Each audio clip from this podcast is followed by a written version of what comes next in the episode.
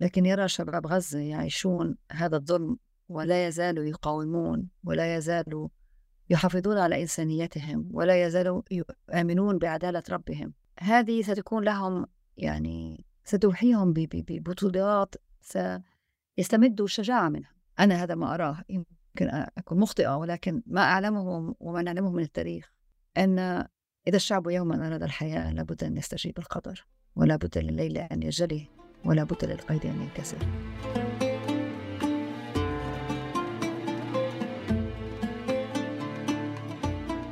مرحبا بكم في الحلقة الثالثة من الموسم الثالث من بودكاست غين. غين هو بودكاست معني بدراسة الدراسات الصادرة في مجالات العلوم الاجتماعية والإنسانية. وحلقة اليوم من تقديمي أنا ماجد بن خنير. في كل حلقة من غين نناقش كتابا في العلوم الاجتماعية والإنسانية لمؤلف أو مؤلفة أو مؤلفين من المنطقة العربية أو كتابا عن المنطقة وذلك عبر حوار مطول بين المؤلف ومقدم الحلقة. حلقات هذا الموسم من غين تأتيكم بالشراكة مع الشبكة العربية للعلوم السياسية وهي مبادرة غير ربحية تهدف لدعم البحث العلمي والتدريس الأكاديمي في مجال العلوم السياسية في المنطقة.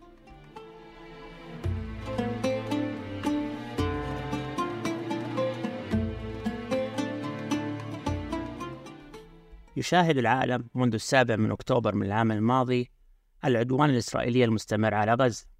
خالقا أزمة إنسانية قد تكون الأشنع من بداية الاحتلال الإسرائيلي لفلسطين. وفي ضوء هذه الأحداث يتم الحديث عن ما العمل ما بعد اليوم التالي من انتهاء الحرب حول مستقبل القضية الفلسطينية.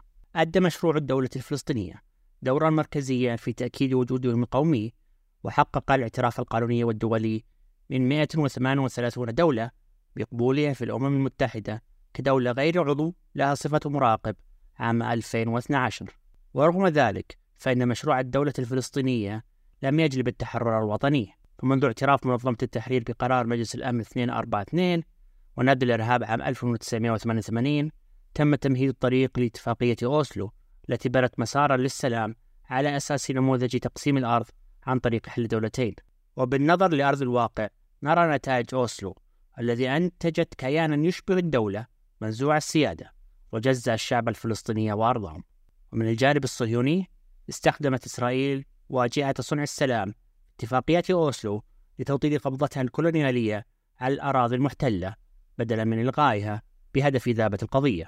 وعلى المستوى الدولي والإقليمي نجد تشبتا صنمي بحل الدولتين الذي أكدته مبادرة السلام العربية لعام 2002 وخارطة الطريق لعام 2003 أن إنشاء دولة الفلسطينية المستقلة على الأراضي المحتلة عام 1967 ليس أمرا مشروعا وحسب بل هو الوسيلة الوحيدة لإنهاء ما يعرف بين قوسين بالصراع العربي الإسرائيلي.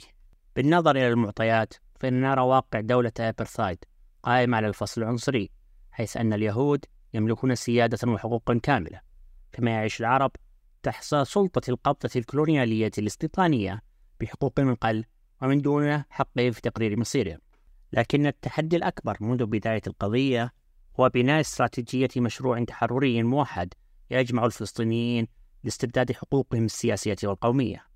تعالت مؤخرا أصوات تطالب بطرح حل قديم للساحة مجددا وهو حل الدولة الواحدة سواء الديمقراطية أو ثنائية القومية كبديل عن نموذج التقسيم حيث يعيش فيه اليهود والعرب من النهر إلى البحر بحرية وحقوق متساوية.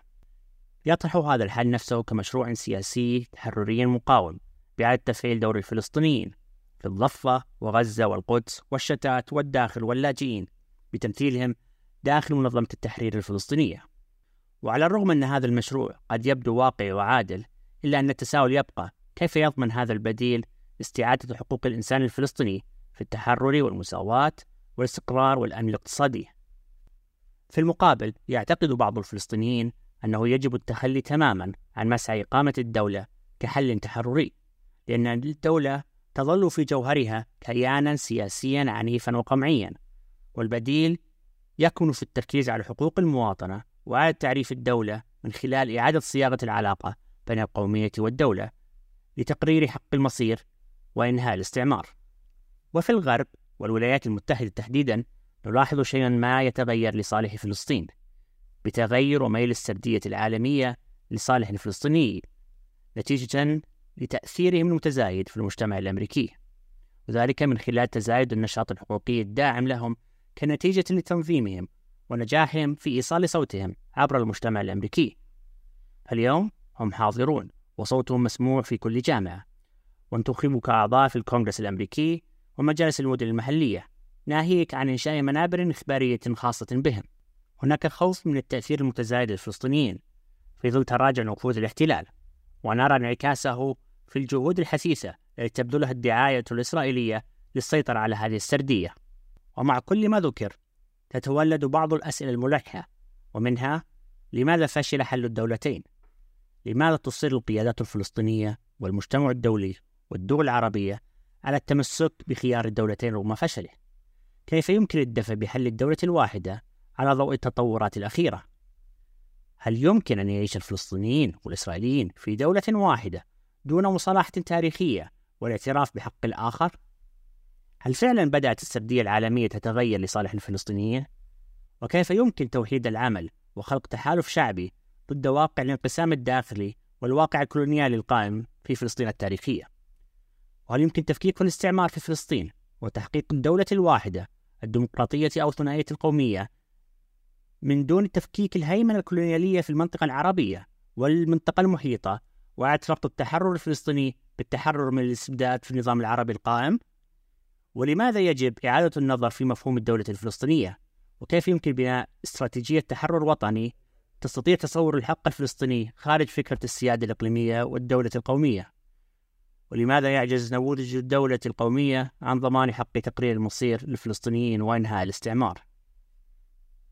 في هذه الحلقة سنحاول الإجابة على هذه التساؤلات والتي نستضيف فيها الدكتورة ليلى فرسخ أستاذ مشارك ورئيسة قسم العلوم السياسية في جامعة ماساتشوستس في بوسطن لمناقشة كتاب إعادة النظر في مفهوم الدولة في فلسطين. تقرير المصير وإنهاء الاستعمار بعد التقسيم. في مراجعة نقدية لمسار مشروع الدولة وإعادة صوغ مفاهيم المواطنة وحق تقرير المصير والسيادة والأمة ضمن السياق الأوسع لمفهوم إنهاء الاستعمار في فلسطين. الكتاب صادر عن دار نشر جامعة كاليفورنيا في عام 2021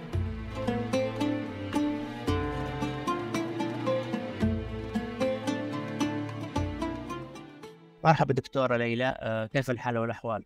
جيدة والحمد لله شكرا لاستضافتي اليوم معكم الحمد لله العادة وقبل مناقشة الكتاب نسأل الضيوف عن منشأ اهتمامهم بالموضوع أو الطريق الفكري الذي أوصلهم إليه نود أن نسألك في البداية هذا السؤال ما هي قصة الكتاب؟ متى تولدت أول فكرة له؟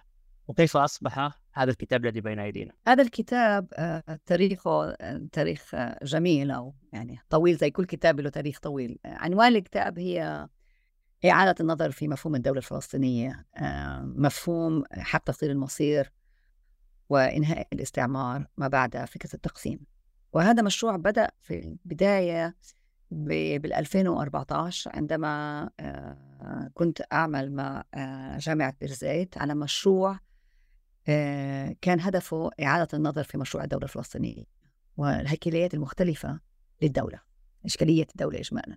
وقد قمت ببحث ميداني قامت به مؤسسة التنمية في جامعة بيرزيت لتقصي ما هي ردود الفعل أو آراء الناس الفئات الفلسطينية المختلفة في فكرة الدولة الواحدة.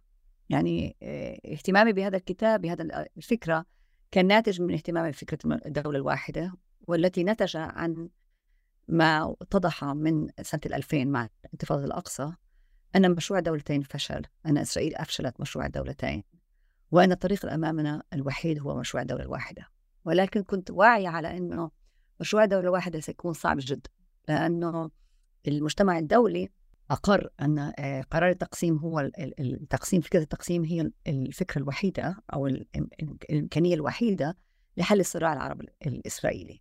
نرى ذلك في قرار الأمم المتحدة 181 ب 47 قرار التقسيم التي صوتت عليه الأمم المتحدة وأقرت أن الحل الوحيد آه، للصراع آه، العربي الإسرائيلي أو لفكرة أن هناك شعبين وقوميتين قومية عربية وقومية يهودية تريد تريد دولة في فلسطين أن نقسم فلسطين إلى دولتين دولة عربية ودولة إسرائيلية. هذا المشروع طبعا رفضه الفلسطينيون في 47 تكوين دولة إسرائيل أدى إلى النكبة. وتهجير ثلثين السكان الأصليين. الفلسطينيين الذين أصبحوا كثير منهم لاجئين في غزة التي تعيش اليوم نكبة ثانية. آه ولكن أيضا بعد حرب 67 أقر الأمم المتحدة أيضا فكرة التقسيم. آه هناك عندنا قرار 242 الذي هو كان قرار من مجلس الأمم المتحدة آه الذي أقر آه آه الحل الوحيد لإنهاء الصراع العربي الإسرائيلي هي فكرة مقايضة الأرض للسلام وأن السلام يتم بين دول, دول كان المطلوب الاعتراف بدولة إسرائيل بعد أن إسرائيل تعيد الأراضي التي استولت عليها في حرب 67 وأن يكون ذلك آه، الحل للصراع العربي الإسرائيلي. ولكن هذا القرار المهم قرار 242 من مجلس الأم مجلس الأمن الدولي نكر الوجود الفلسطيني. لم يتطرق لأي من حقوق الفلسطينيين اللي كانت محمية من قرار من الأمم المتحدة أي قرار واحد ثمانية واحد واحد تسعة أربعة قرار حق العودة. ولم تذكر الفلسطينيين باسم باسمهم. ذكرت آه، طالبت فقط بحل عادل للاجئين ف قرار 242 كان الأساس لاتفاقية أوسلو وكان آه، عندما اعترفت آه، منظمة التحرير الفلسطينية فيه بال 1988 اعترف فيه على أساس أنه هذا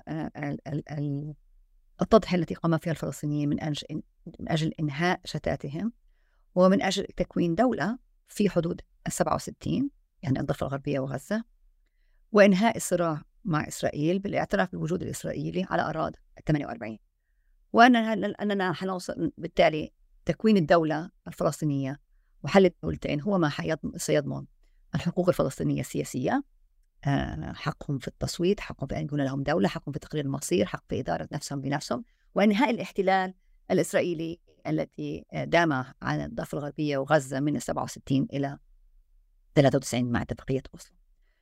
آه، وإحنا وجدنا يعني وصلنا إلى أهم اعتراف دولي بأهمية الدولة الفلسطينية وقرار حل الدولتين بال 2002 و 2003 مع مشروع آه، خريطة الطريق التي تبنتها الولايات المتحدة المجموعة الأوروبية والمجتمع الدولي ككل الذي أقر فيها أن تكوين دولة فلسطينية ذات حدود مؤقتة آه، جنبا للإرجاع إلى إسرائيل هو الحل الوحيد لإنهاء الصراع الفلسطيني الإسرائيلي فعندنا تبني دولي لمشروع الدولتين.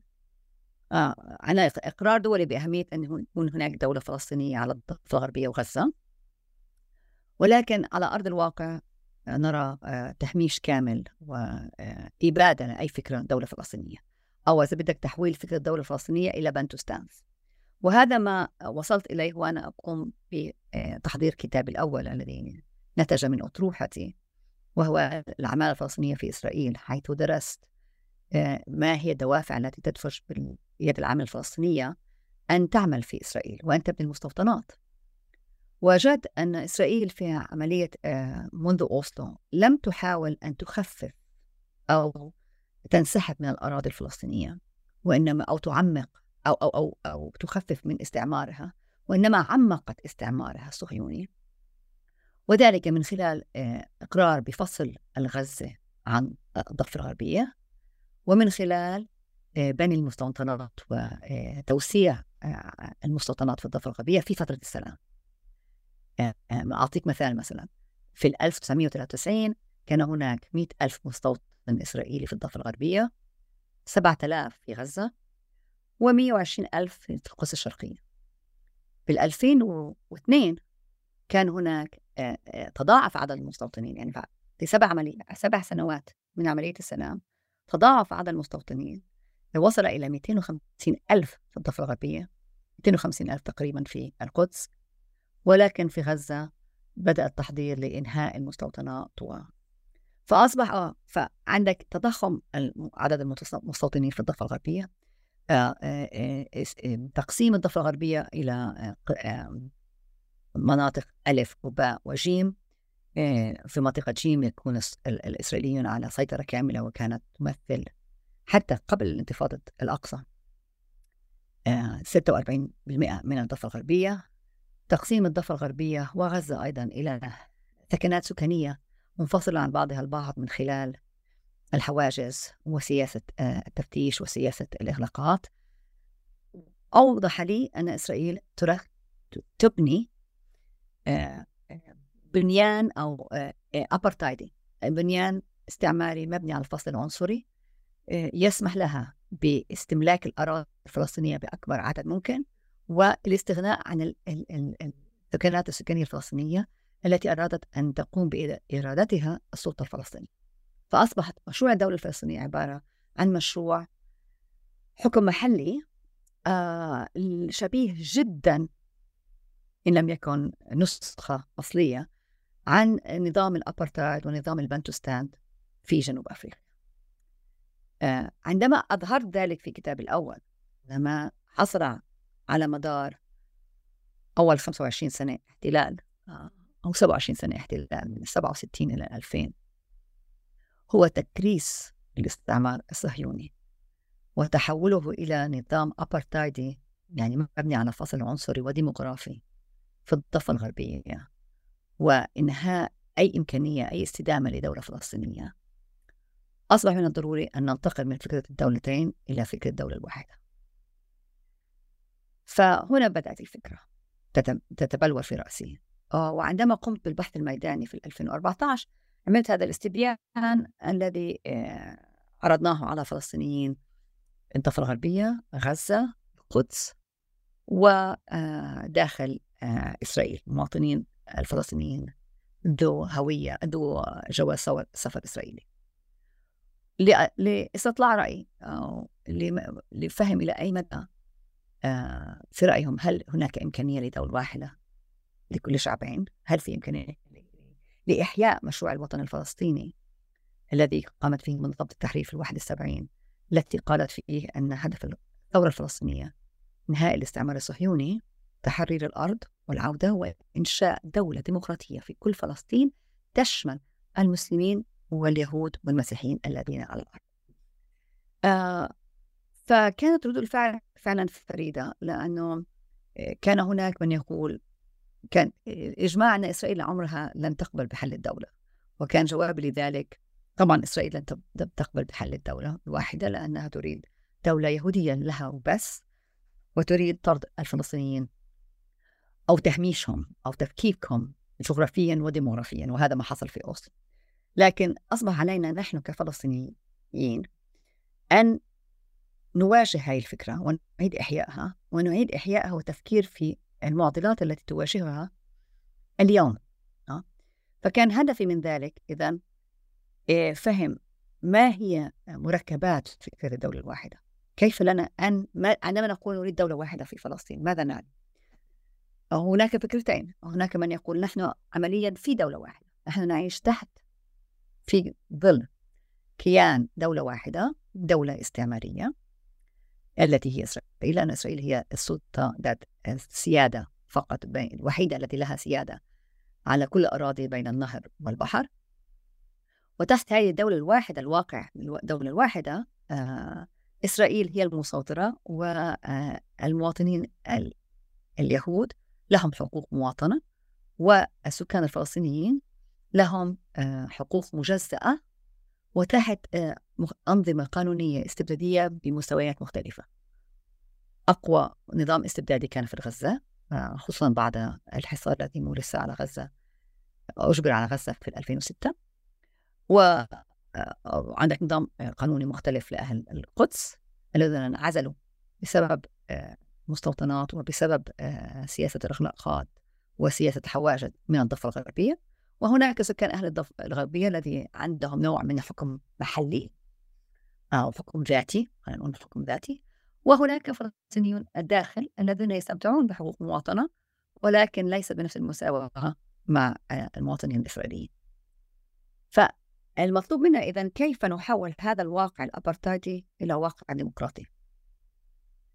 وفي الحقيقة هناك من بدأ يحكي بفكرة الدولة الواحدة ب أول من حكى فيها الدولة الواحدة هو عزمي بشارة آه، الذي كان عضو كنيسة في إسرائيل. وقبل أن يطرد منها وهو الآن في في قطر. آه، أهمية عزمي بشارة أنه أحيا فكرة دولة ثنائية القومية لحد ما. آه، فقال عزمي بشارة أن على إسرائيل أن تكون دولة لكل مواطنيها. فبالتالي ركز على فكرة المواطنة. آه، في الشتات أصبح كثيرون يتكلمون عن حل دولة واحدة من منطلق ليس فقط أن الواقع على الأرض أن إسرائيل قتلت حل الدولتين. ولكن أيضا من منطلق من منطلق سياسي وقانوني. لأنه برأي كثيرين حل الدولتين أضاع حق العودة فرط بحق اللاجئين لم يعطي نسى الفلسطينيين الداخل من المنظومة الفلسطينية. و أثر على وحدة الشعب الفلسطيني. فكان هناك مطالبة لابد لنا أن نعيد إلى فكرة الدولة الواحدة لأن فقط دولة واحدة ستوحد الشعب الفلسطيني في مختلف آه، مواقعه. آه، ستسمح للاجئين بالعودة وتركز على أحقية الشعب الفلسطيني بحقوقه التي هي حق العودة حق تقرير المصير وحق المساواة أينما كان. آه، فمن هنا بلشت الفكرة. هناك من يدعو إلى تكوين الهدف بناء دولة ديمقراطية لكل مواطنيها بغض النظر عن إثنيتهم عن لغتهم عن دينهم. وهناك من قال ومن يدفش إلى فكرة دولة ثنائية القومية. آه الذين يقولون آه أنه من المستحيل أن لابد لنا أن نعترف أن هناك قومية إسرائيلية تكونت على مدار ال 75 سنة الماضية. هناك آه آه اليهود الإسرائيليين يطالبون بحقوق جماعية لابد أن نحميها ونحن نطالب أيضا بأن نحمي حقوقنا الجماعية الفلسطينية.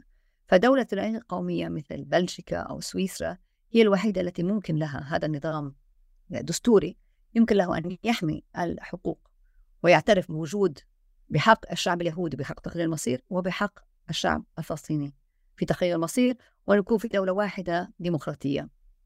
ويبدأ السؤال مثلا هناك هيكليات ودستورية مختلفة لتكوين دولة واحدة.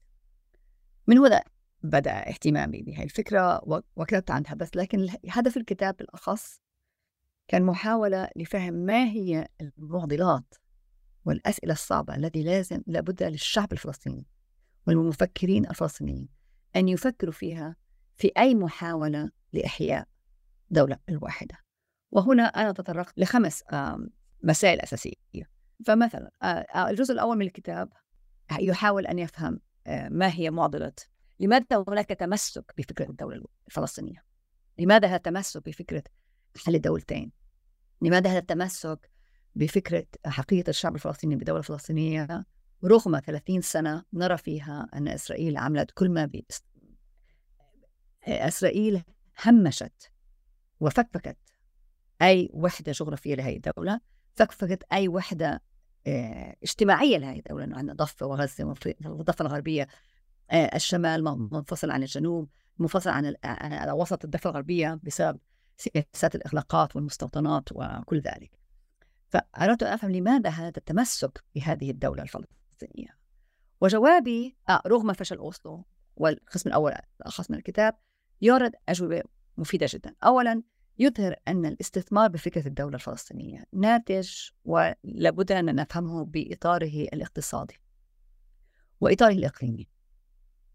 مشروع الدولة الواحدة رغم فشله في أن يأتي بالتحرر أو يضمن الحقوق المواطنة لسكان الضفة الغربية وغزة هناك من هو مستفيد من هذا المشروع وهي طبقة آه، آه، رأسمالية كونت أموالها في الخليج واستثمرت بهذا المشروع الدولة الفلسطينية ولا تريد أن تخسره.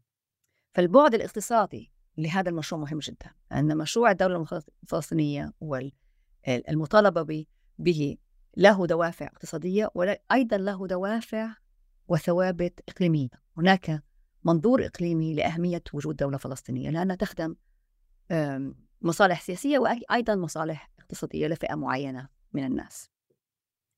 هناك أيضا من قال آه، من ركز على الثمن الذي دفعه الشعب الفلسطيني بسبب هذه الأوبسيشن هذا الإصرار على دولة فارغة من أي فحوى تحرري.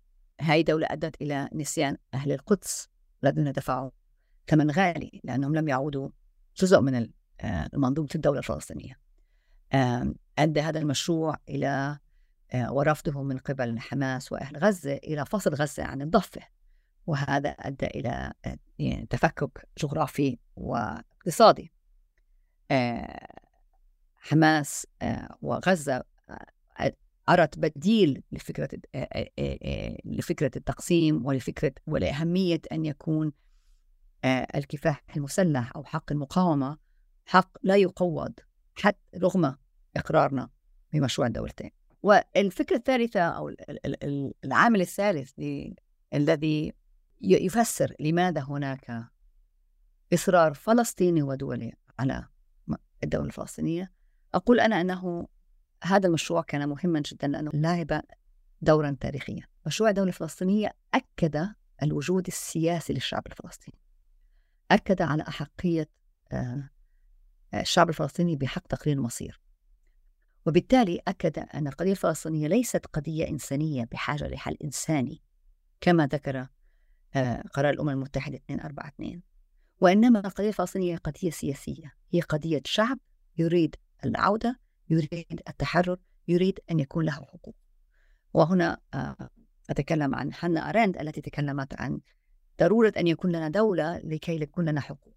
لا يمكن أن يكون لنا حقوق إن لم يكن لنا دولة. وهذا طبعا ناتج أننا نعيش في القرن العشرين والواحد وعشرين أنه نعيش في مجتمع دولي مبني على دول قومية الدولة القومية هي الوحيدة التي ممكن أن تحمي حقوق مواطنيها فأقول أنا أن هذا الدور نجحت نجح مشروع الدولة الفلسطينية في إنجازه الدولة مشروع الدولة الفلسطينية أكد وجودنا.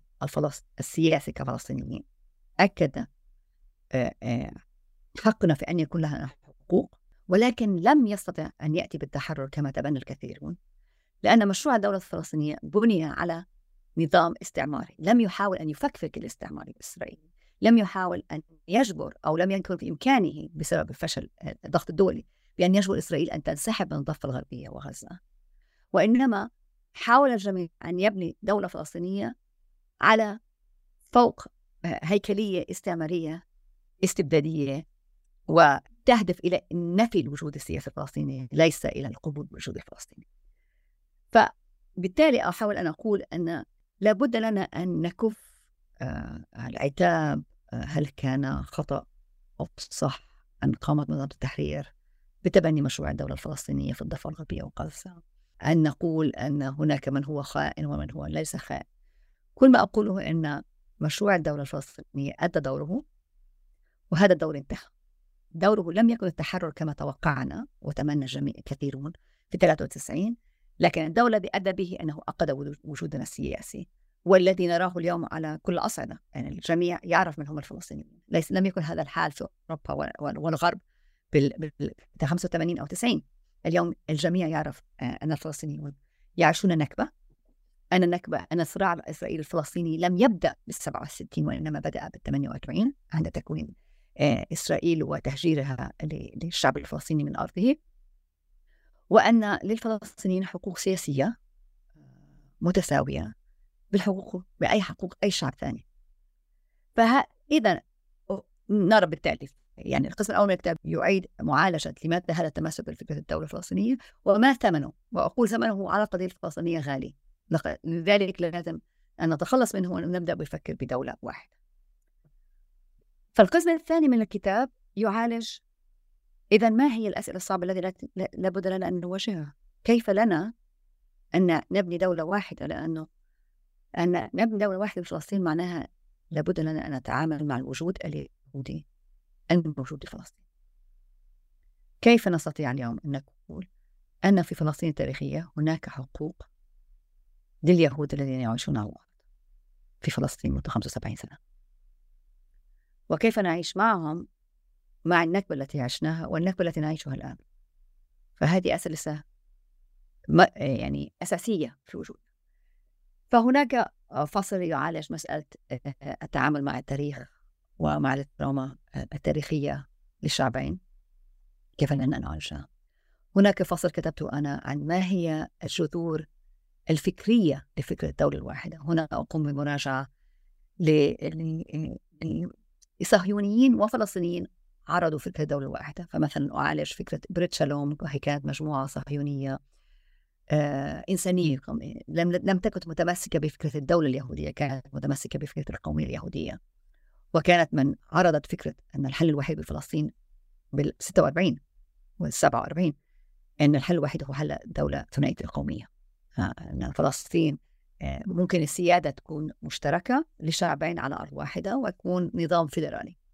فهناك هاي فكرة يهودية صهيونية ليست متمسكة بالدولة ولكن ممسكة بفكرة أن اليهود علاقة آه، مميزة مع فلسطين يريدون العيش مع فلسطين ولكن العيش مع الفلسطينيين ليس على حسابه. كان مفهوم للصهيونية أكثر ثقافي منه سياسي أو إحلالي. وطبعا أعالج فكرة آه، منظمة التحرير الفلسطيني مشروع الدولة الديمقراطية التي عرض بال 71 إيه، آه، ولأحاول أن أن نفهم إلى أي مدى حاول الطرفين الفلسطيني واليهودي معالجة فكرة حقوق الآخر في أي دولة واحدة. وكان استطلاع كانت نتيجة أو تحليلي أن الفلسطينيون تعاملوا دائما مع مشكلة الوجود اليهودي في فلسطين.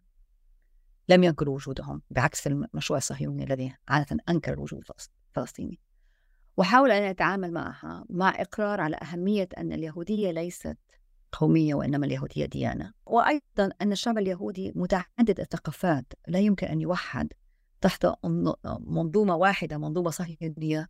تقول أن التجربة اليهودية هي التجربة الناتجة من التجربة اليهودية في أوروبا والتي تجربة الهولوكوست مركزية في تكوينها. فمثلا آه، يؤكد آه، مشروع الوطن الفلسطيني في 71 على أن الفكرة دولة آه، اليهود الذين لهم أن يبقوا بفلسطين هم كل يهود كل من يسكن في فلسطين وأن هناك فئة من الشعب الفلسطيني ولهم دور بفلسطين. فسؤالي اليوم إذا كيف لنا أن نأخذ هذه هذه الفكرتين دولة طرحين ونعمل منهم طرح جديد يناسب الوضع الذي نحن فيه اليوم وليس وضع ال 41 ولا 47 هناك طبعا أيضا فكرة ما دور اللاجئين في الدولة الواحدة. أهم من أهم ما يساعد ويحبذ.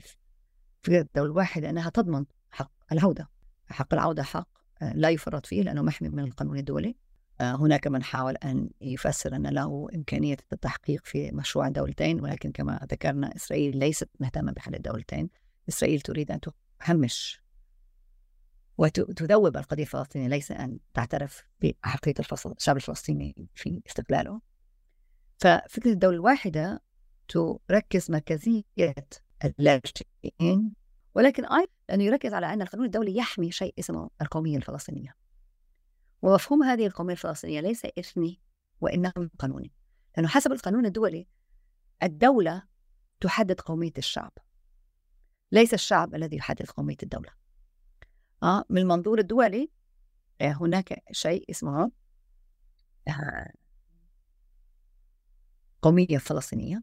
فلسطيني ناشوناليتي تكون بال 23 مع الانتداب البريطاني. هذه الهوية الفلسطينية مبنية على آه، مفهوم آه، قانوني وليس عرقي ولا يزال صالح. في حين مفهوم القومية اليهودية ليس معترف به دوليا لأنها آه، تعريف لقومي للقومية مبني على مفهوم إثني وليس مفهوم قانوني. فهذه فكرة كمان مهمة جدا لأن نرى أن القانون الدولي يعرض لنا فرص عديدة لنحيي فكرة الدولة الواحدة ولنفسر كيف مفهوم الدولة الواحدة هي دولة ديمقراطية مبنية على القانون ليست مبنية على مفهوم قومي للمواطنة.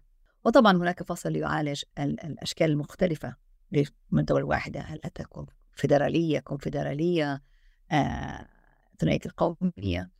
وطبعا آه، فصل يعالج دور فلسطينية 48 الذي في رأيهم آه، من أهم من يمكن أن يقود الحملة لدولة واحدة لأنهم من يعلم ال... لأنهم جزء لا يتجزأ من الشعب الفلسطيني لكنهم أيضا عايشوا الشعب الإسرائيلي واليهودي ويفهمون الإطار القانوني والهيكل المجتمع الإسرائيلي والنظام السياسي الإسرائيلي. وهم من يستطيع في هذه الحقبة أن يدل الطريق إلى كيف لنا أن نصل إلى دولة واحدة. وطبعا هناك حملات عديدة في الداخل حملة الدولة الواحدة التي يقودها فلسطيني الداخل وأخرى تبني على فكرة عزمي بشارة على أن على إسرائيل أن تصبح دولة لكل مواطنيها وأن الديمقراطية هي شيء أساسي. فهذا ما يحاول الكتاب يعني. بعمليا أنه النتيجة هي أن علينا أن آه، نركز على ثلاث مفاهيم أساسية. أولا لابد لنا أن نفصل الدولة عن القومية. لابد لنا أن يكون لنا مفهوم الدولة ومفهوم قانوني. الدولة ذات سيادة دورها القانوني أن تحمي مواطنيها بغض النظر عن إثنيتهم دينهم هويتهم أوكي؟ آه القومية أيضا مفهوم القومية لابد له أن يكون ينفهم من منظور قانوني وليس من مفهوم سوسيولوجي. نحن نفهم القومية على أنها imagined community آه مجموعة متخيلة تشمل كل من يعبر عن نفسه أنه جزء من هذه القومية. هذا تفسير سوسيولوجي. لا لا غبار عليه ولكن من منطلق قانوني قانوني دولي القومية هي تحدد بإطارها القانوني بمطار علماني يعود إلى حدودها هي حدود الدولة التي نحن فيها. وممكن أن تحمي دورها أن تركز على هوية الثقافية للناس التي يسكنون في هذه الدولة ولكن لا تؤدي إلى تكوين دولة قومية. آه، الأهمية أن تكون دولة ديمقراطية, ديمقراطية تحمي الحقوق الجماعية أي القومية لمن يسكن تحتها. آه، فهذه نقطة مهمة النقطة الثالثة التي آه، ناتج يعني من خلاصة الكتاب أن علينا أن نعالج ونفسر ما يعني ما ماذا يعني إنهاء الاستعمار؟ decolonization كيف لنا أن ننهي الاستعمار؟ الاستعمار الصهيوني. ماذا يعني ذلك؟ الاستعمار لا يعني فقط إنهاء الاستبداد على الأرض ولكن أيضا يعني آه، تحرر من علاقات استبدادية. آه، العلاقات الاستبدادية ليست بس فقط مع اليهود ممكن مع العدو ممكن تكون العلاقات الاستبدادية مع بيننا. آه، وناس كثيرون يقولون أن السلطة الفلسطينية أصبحت سلطة استبدادية. آه هذه علاقة استعمارية. استعمارية ليست علاقة تحررية. لابد لنا أن نعالجها وأن نطالب بالديمقراطية بأحقية آه بسواسيتنا. أننا كلنا سواسية وأننا بحاجة إلى إطار قانوني يحمي آه حقوقنا الجماعية.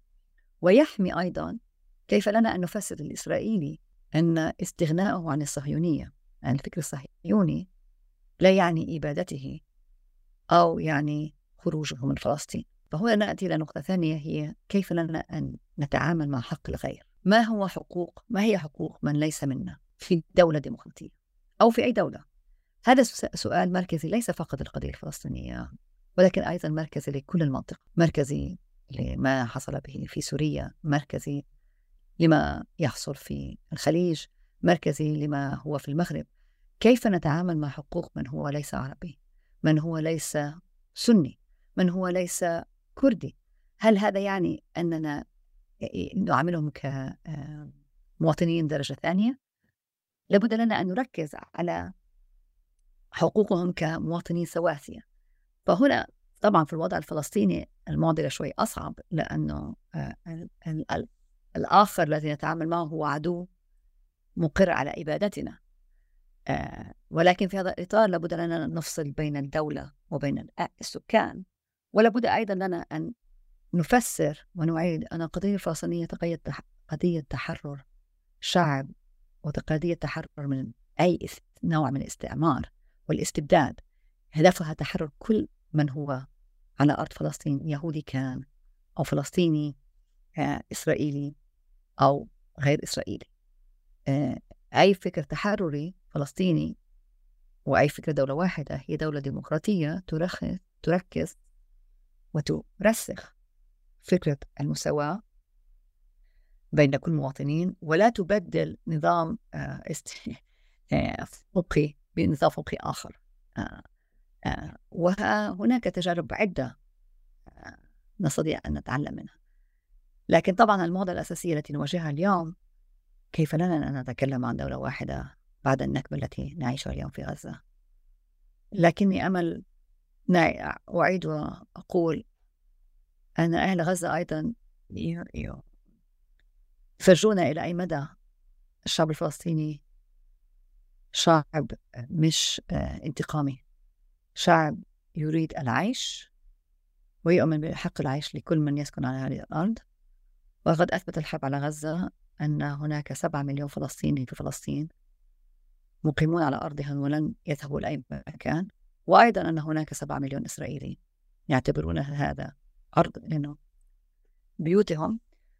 ولا بد أن يفهموا أن لهم مكان في هذه الأرض طالما قبلوا استغنوا عن امتيازاتهم وقبلوا أن يصبحوا مواطنين. كل مواطنين وأظن نحن رسالتنا الفلسطينية أن نبين أن مشروعنا الفلسطيني ليس مشروع ضد الشعب اليهودي أو ضد الشعب من يسكن على هذه الأرض ولكن مشروعنا التأكيد على المساواة والحقوق الشرعية الفلسطينية المحمية من القانون الدولي جميل دكتور وعلى هذا الشرح المستفيض ومنه ننتقل إلى القسم الآخر وهو مناقشة إطار العام الكتاب. الكتاب طبعا مقسم إلى 11 فصل موزع على قسمين كما ذكرت. القسم الأول عنوانه التقسيم وتكلفة إقامة الدولة وتحته خمس فصول. أولها الاقتصاد السياسي لبناء وتشكل الدولة في فلسطين. الثاني وعنوانه قطاع غزة أزمة إنسانية ودولة مفقودة. أما الفصل الثالث بعنوانه الفلسطينيين المنسيون القدس الشرقية ومسار رسول السلام. أما الرابع بعنوان الدولة والأرض ومتحف هيل أما الخامس فهو بعنوان الدفاع عن حقوق الفلسطينيين في عهد ترامب وما بعده وننتقل بعد القسم الثاني المعنون بإنهاء الكولونيالية وتجاوز التقسيم. وتحته ست فصول. أولها هو فصل بعنوان العدالة الانتقالية في فلسطين إسرائيل. لمن العدالة وأي انتقال. أما الفصل السابع بعنوان بدائل التقسيم في فلسطين إعادة بلورة العلاقة بين الدولة والأمة. والثامن بعنوان الجنسية الفلسطينية والجنسية اليهودية من معاهدة لوزاني لليوم.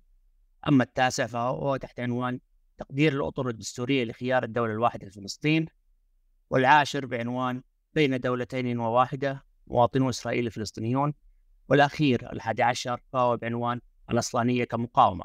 سنفتتح بهذا السؤال.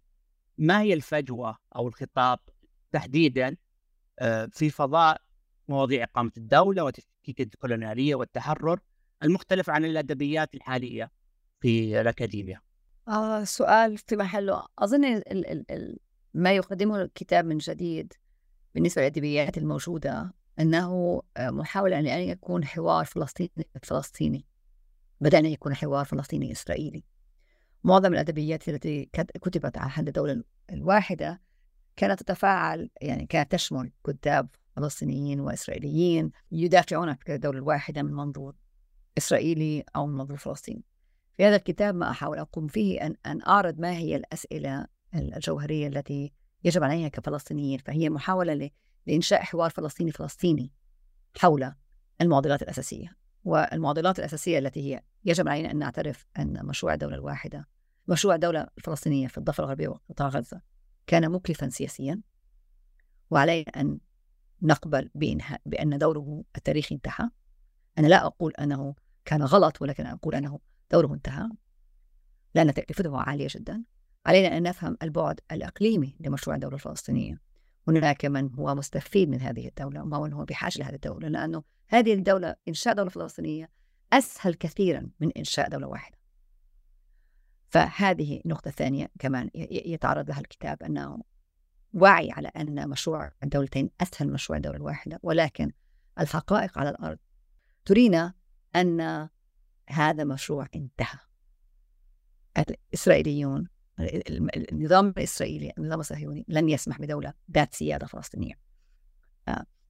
فعلينا أن نتطرق إلى شيء آخر.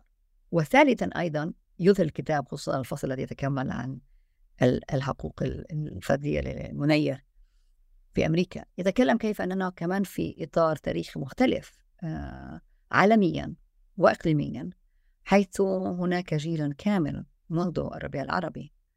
يركز على أهمية الحقوق الفردية والحقوق المواطنة. أهمية الربيع العربي أهمية الانتفاضات. العربية والفلسطينية.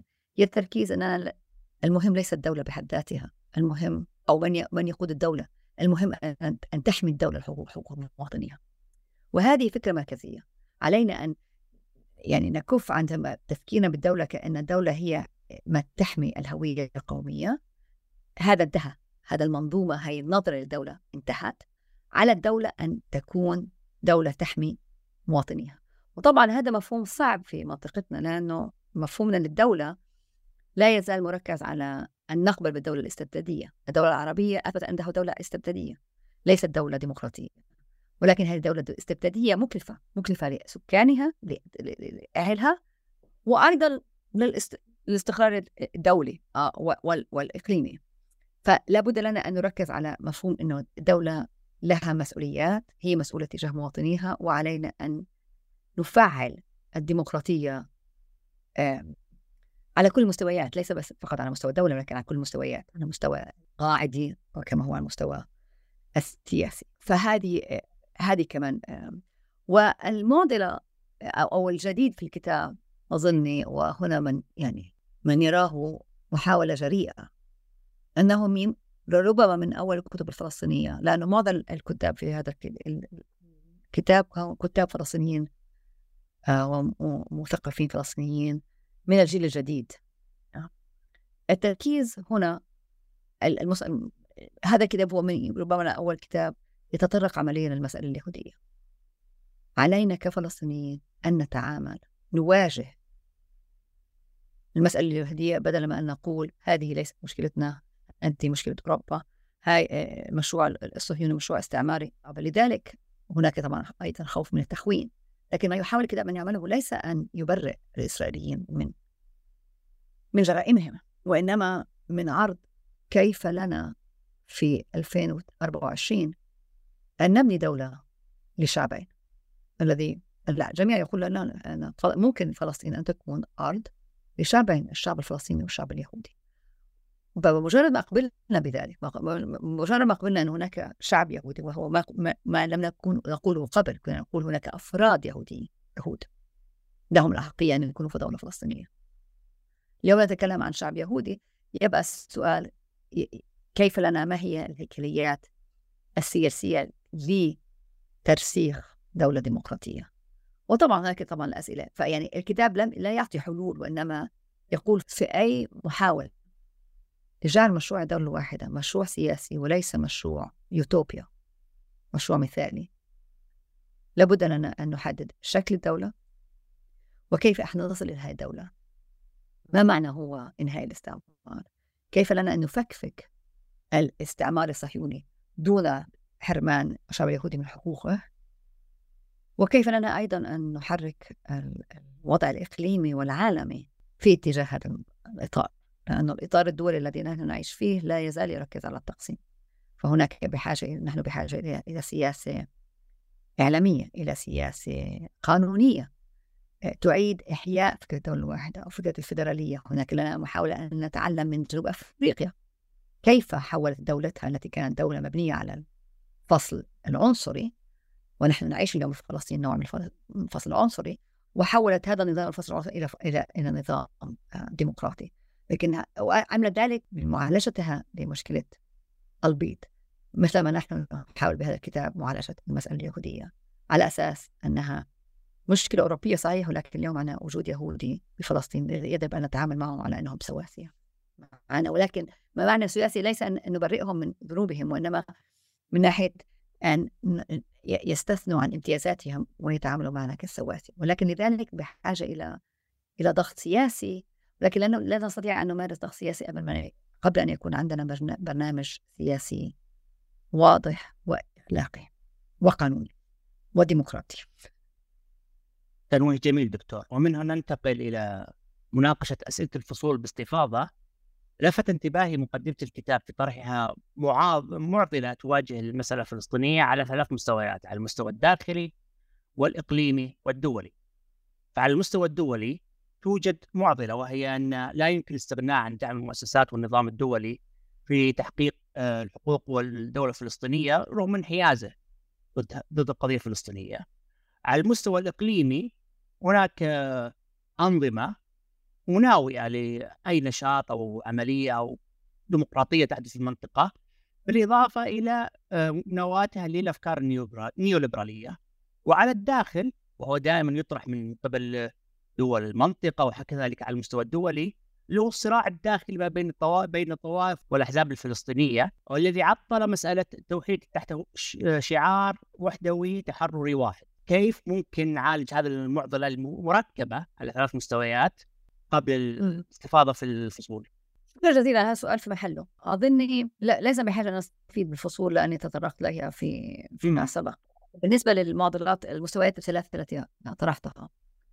كيف لنا أن نمشي في مشروع دولة واحدة في ظل التحديات الدولية الإقليمية والداخلية سأبدأ بالداخلية داخلية أظن أهم أول حدث يجب أن يحدث هو توحيد الشعب الفلسطيني توحيد الفئات الفلسطينية ويكون ذلك عن طريق إحياء منظمة التحرير وإجراء آه، إجراء انتخابات جديدة. هذا لا مفر منه آه، طبعا نحن نعلم أن هناك العديد من لا يريد انتخابات أو إحياء المنظمة أو إدخال حماس فيها لكن بعد هذه الحرب على غزة من الواضح جدا أن حماس جزء لا يتجزأ من الشعب الفلسطيني ومن النضال الفلسطيني ولا بد لها أن تدخل في منظمة التحرير الفلسطينية. فبمجرد أن أحيينا منظمة التحرير أظن سيكون لنا خطابا سياسيا ومناقشة سياسيا كما حصل في السبعينيات. الناس تنسى أن في السبعينيات لم يكن هناك إنترنت ولا زوم وكانت منظمة التحرير تجتمع مجلس الوطن الفلسطيني يجتمع سنويا في الشتات. فممكن بكل سهولة أن يكون نحيي منظمة التحرير أن نخلق انتخابات وممكن جدا نعمل انتخابات في الشتات وفي الداخل ويكون في أحزاب تناقش ما هو مشروع الوطن الفلسطيني إلى الأمام. آه، ثانيا أظن جدا مهم جدا أن نعيد ونجري انتخابات في الضفة الغربية وغزة. الضفة الغربية لم تأخذ عندها انتخابات من 2006 آه، القيادة التي تسيطر في الضفة الغربية لا هي شرعية ولا هي وطنية. وضروري جدا أن يكون هناك انتخابات لكي ننتخب قيادة جديدة في الضفة. هذا وغزة ويكون قيادة موحدة مش قيادة منفصلة. هلا السؤال إلى أي مدى في إمكانية لتوحيد الشعب الفلسطيني؟ أظن المبادرات كانت عدة. وأظني بعد الحرب على غزة سيكون دوافع لتوحيد الشعب الفلسطيني أقوى بإذن الله مش أخف. بالنسبة للوضع الإقليمي سؤالك في محله. الوضع الإقليمي ما هو ما يخيف؟ لأن الوضع الإقليمي آه، في إجماع إقليمي على أهمية الدولة الفلسطينية في الضفة الغربية وغزة. ولكن أيضا هناك نرى ما يبدأ أن يكون قبول بعمليا أن لابد لحماس أن يكون لها أن تكون جزء من المنظومة الفلسطينية. آه آه أظن الثمن كان غالي فيما يتعلق في الحرب على غزة ولكن أظن أصبح واضحا. لكن البعد الإقليمي فعلا صعب لأنه نحن نتعامل مع دول لا تريد الديمقراطية. نحن نتعامل مع آه، معضلة إقليمية. دول تريد التطبيع مع إسرائيل وتتبع منظومة نيوليبرالية لا تشكل مشكلة كبيرة في الخليج ولكن تشكل مشكلة كبيرة جدا في بلاد أهل الشام ومصر وحيكون لها انعكاسات سياسية على المدى القريب والمتوسط فالوضع الإقليمي هو ما يقلقني أكثر شيء آه.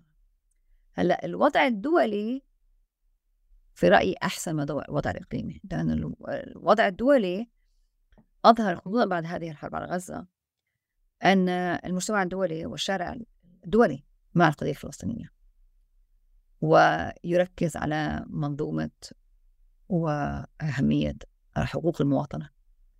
وله آه، سردية وحوار ومن وشعارات تركز على أولوية القانون الدولي وأحقية الشعوب والأفراد فأن يعيشوا بحقوق مواطنة متساوية.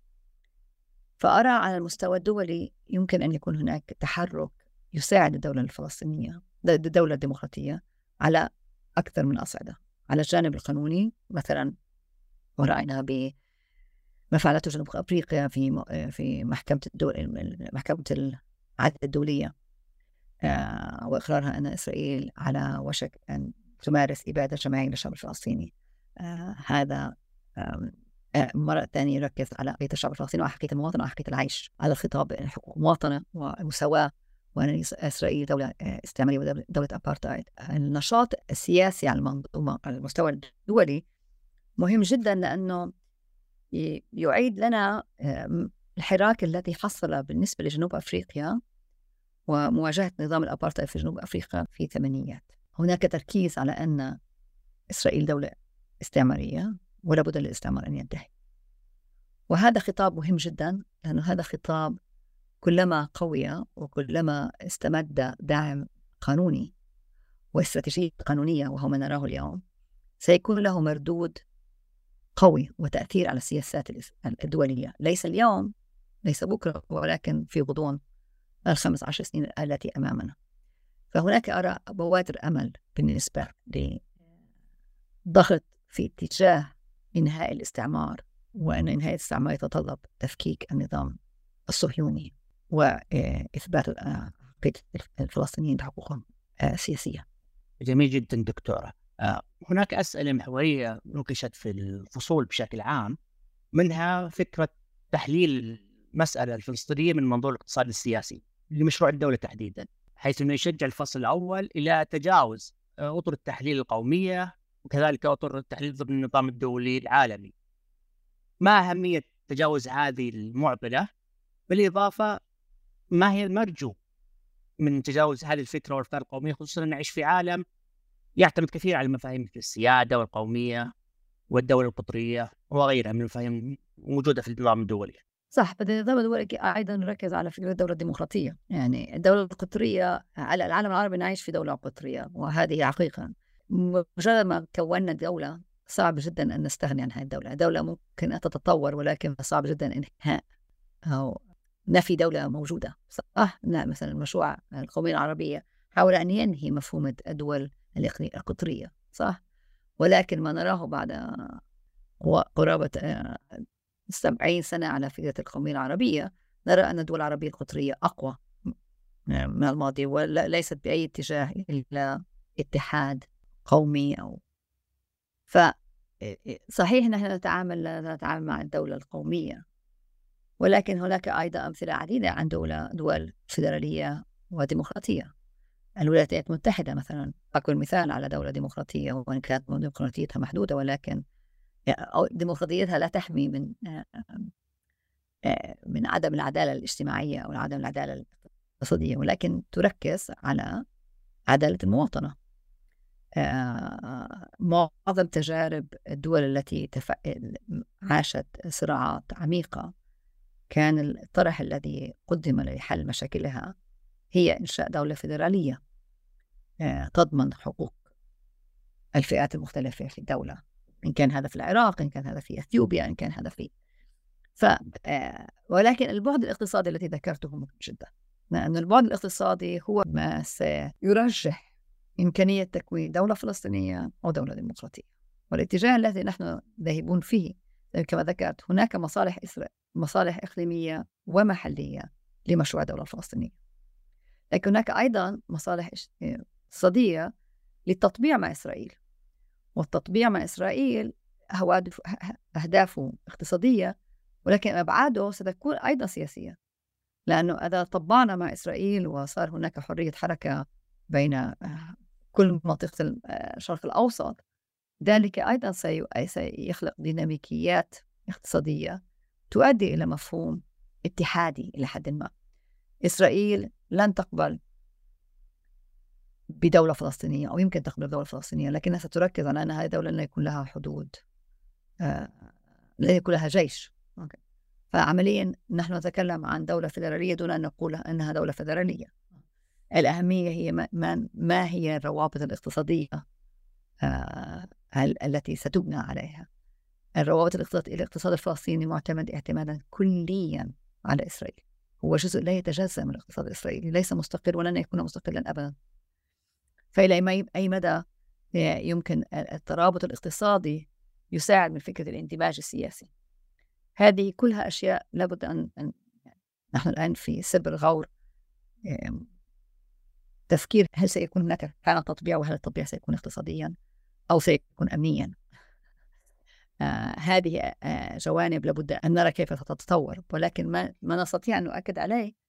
أن الفلسطينيون باقون ويريدون حقوقهم وأنا محاولة إقناعهم أن حقوقهم تتمركز ببناء آه، فنادق وشراء سيارات كما حصل بالضفة الغربية. هو إغراء الناس بمكاسب إقتصادية لن يكون كافيا إن, إن لم يكن الناس أيضا لهم الحرية في التحرك وفي العيش وفي في ممارسة حقوقهم الأساسية. جميل دكتور. أيضا تطرح الفصول آه، وجها آخر لأنواع المقاومة. دائما ما نركز في المقاومة من منظور المقاومة بالسلاح وهي مرتبطة بالعنف ودائما ما يتم جذبها من قبل آه، دول سواء في المنطقة أو على النطاق الدولي. لكن هنا يطرح أشكال مختلفة للمقاومة منها المقاومة الثقافية الفنية آه، الجمالية وحتى المقاومة اللي ترتبط بالهوية الأصلانية. إلى أي مدى ترين آه، نجاحات أو تأثير هذه السبل من المقاومة؟ أم أن هذه المقاومات لا يوجد لها أثر ويجب الاستغناء عنها والموضوع قدما في الأسلوب القديم للمقاومة عن طريق حمل السلاح وغيره. لا طبعا المقاومة السلمية لها دور آه، مهم جدا وقد أتت إلى نتائج ممتازة. لقد بدأت المقاطعة المقاومة السلمية بدأت بالمقاطعة بحملة المقاطعة ولكن حتى قبل حملة المقاطعة آه، كانت هناك آه، المقاومة الأدبية المقاومة الثقافية. السينما الفلسطينية اليوم من أهم السينمات الإقليمية والدولية. آه، تستطيع أن تعرض القضية الفلسطينية وساهمت جدا في آه، تفسير القضية الفلسطينية إنسانية الهوية الفلسطينية لعالم للعالم ككل. آه، إن كان في الغرب أو حتى في أفريقيا وفي في آسيا. ف ولكن المقاطعة بالذات كان لها دور كثير مهم لأن المقاطعة التي بدأت بال 2005 بمطالبة من الشعب الفلسطيني إلى مقاطعة البضائع الإسرائيلية وتفكيك الاستثمار آه، والسانكشن والمقاطعة آه، كان لديها دورين أساسيين دورين مهمين جدا. الأول هو في آه، إظهار العالم كله أن إسرائيل لابد لها أن يعني هناك مرجعية قانونية لابد أن تذكير العالم أن على إسرائيل أن تطبق ما وقعت عليه أن إسرائيل آه، آه، لا تزال تحتل الضفة الغربية وغزة وهذا الاحتلال غير قانوني ولا بد أن يفرض على إسرائيل أن تنسحب من هذا الاحتلال كما أن عليها أن تقبل بحق العودة. وأن تكرس المساواة للمواطنين الفلسطينيين داخل إسرائيل. الحملة كان لها دور إعلامي وأيضا دور اقتصادي. آه هناك دول عديدة آه، سحبت استثماراتها من شركات إسرائيلية كبيرة. آه، هناك آه، عدة مؤسسات انسحبت من من إسرائيل. فكل هذا يمارس ضغط. صحيح أن إسرائيل دولة قوية اليوم لها نفوذ واسع مع الاقتصاد الأمريكاني والاقتصاد الأوروبي. ولا بد مثلا من تشديد المقاطعة وتركيز أوروبا مثلا على أن إسرائيل لا تطبق القوانين الدولية ولا بد لذلك أن يكون لها عواقب اقتصادية. آه، فالمقاطعة السلمية مهمة جدا إن كانت اقتصادية أو ثقافية. أما بالنسبة للمقاومة المسلحة المقاومة المسلحة أحيانا لابد منها ثمنها غالي ولكن لا تنجح إن كانت هي الطريقة الوحيدة لمحاولة التحرر. آه، ولكن الكفاح المسلح هو الوحيد الذي يؤثر للأسف الشديد مباشرة على مخاوف الناس والهدف من وراءه عادة هو محاولة إجبار الشعب الإسرائيلي أن يضغط على حكومته لكي لكي تنسحب من الأراضي الفلسطينية. هذا لم يكن دائما الحال ولكن بدون شك آه، كل حركة تحررية اعتمدت على الكفاح المسلح إلى حد ما. والكفاح المسلح إلى حد ما هو ما أتى ببعض حرك القضايا التحررية يعني كان في فيتنام إن كان في الجزائر إن كان في الهند أينما كنت أي حركة تحررية لم في حد في مرحلة من المراحل استخدمت السلاح المسلح لكن الكفاح المسلح لكن الكفاح المسلح وحده ليس كافيا. أنت بحاجة إلى كفاح آه، اقتصادي وبحاجة إلى أهم شيء إلى برنامج سياسي واضح. تستخدم الكفاح المسلح ليرسخ أهميته ول لفرضها على البرنامج السياسي الدولي والإقليمي. أحد المفاهيم المثيرة للاهتمام دكتورة هو مفهوم العدالة الانتقالية. لماذا؟ المثير فيه هو على شقين ومحاولة لفهم العدالة الانتقالية في إطار نظام كولونيالي في فلسطين وضمن مسار لإقامة دولة وتحصيل على الحقوق. وأيضا وهو الشق الثاني منه أنه يستلزم كلا الطرفين الإجابة عن الأسئلة الصعبة والتي دائما يحاولون تجنبها. يدخل فيها موضوع المصالحة التاريخية موضوع الاعتراف بالمآسي التي ارتكبت ضد الآخر آه، تعويضات عن ما حدث آه، فكيف ترين آه، إمكانية العدالة الانتقالية ضمن هذا الإطار الكولونيالي وواقعيته في مواجهة الأسئلة الصعبة؟ العدالة الانتقالية مهمة جدا لأنه لا يمكن لنا أن نبني مجتمعا جديدا ودولة جديدة دون التعامل مع التراما والمصالحة التاريخية. وأي مصالحة تاريخية لابد لها أن تتعامل مع جذور الصراع وتفسير كل طرف له للصراع نفسه. يعني مثلا نحن كفلسطينيين اعتبرنا دائما أن المشروع الإسرائيلي المشروع الصهيوني هو مشروع استعماري وهو بدون شك مشروع استعماري. ولكنه ليس فقط مشروعا استعماريا. لكثير من اليهود خصوصا بعد ما حصل في أوروبا آه مشكلة اللاسامية وناس كثيرين اليهود كثيرين مشروع, مشروع الدولة اليهودية هو مشروع آه تحرري أو مشروع مش تحرري يعني تحرري من الاستبداد تحرر من من السامية من أعداء السامية ومحاولة لوجود آه، أمان في مكان ما. فالمقصود بذلك ليس أن نقبل الرواية اليهودية آه، أو الرواية الصهيونية. الرواية الصهيونية استغلت آه، العنف الذي مورس مورس ضد الشعب اليهودي لتبرير أهمية تكوين دولة صهيونية دولة إسرائيلية. ولكن ما أقوله أن علينا أن نركز على أهمية دور ال trauma الذي لعبته ال trauma أو الهولوكوست آه، في منظومة ومفهوم الإسرائيليين في هويتهم. الاعتراف أنه أن اليهود في أوروبا عانوا هاي نقطة مهمة وأن والتركيز على أن المعاناة اليهودية لا تبرر النكبة كمان شيء مهم جدا.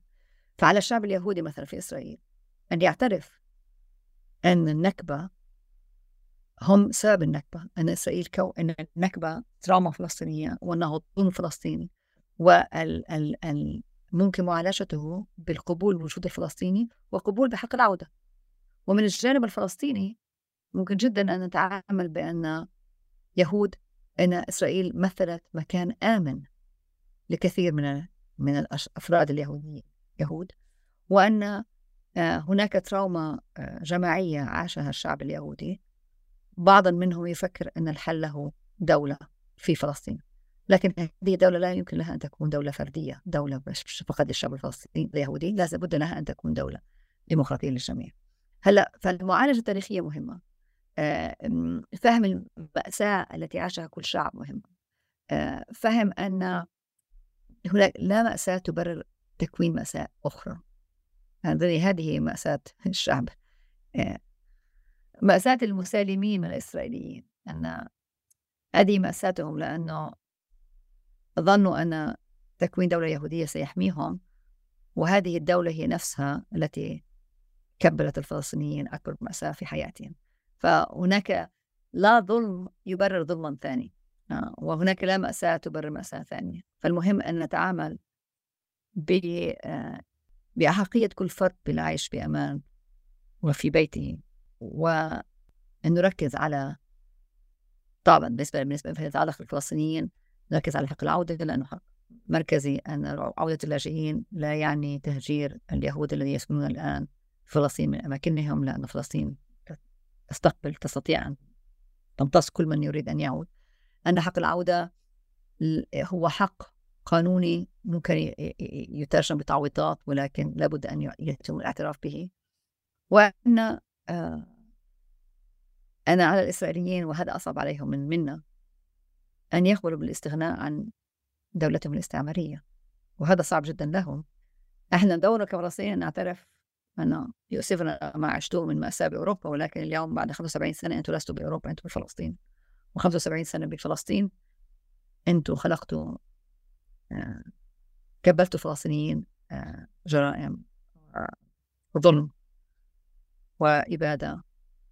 وهذا لا لابد أن يعترف فيه يعترفوا به ويكون الحل له ليس الطرد وإنما الحل التعايش سويا على نظام على مبدأ نظام ديمقراطي.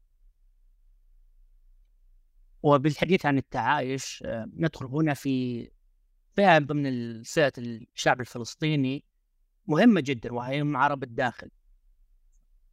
أهميتهم تكمن في كونهم يمتازون ببعض حقوق المواطنة داخل إسرائيل لكن أيضا يعانون بشيء آخر. لا يوجد لهم تمثيل في آه، منظمة التحرير الفلسطينية.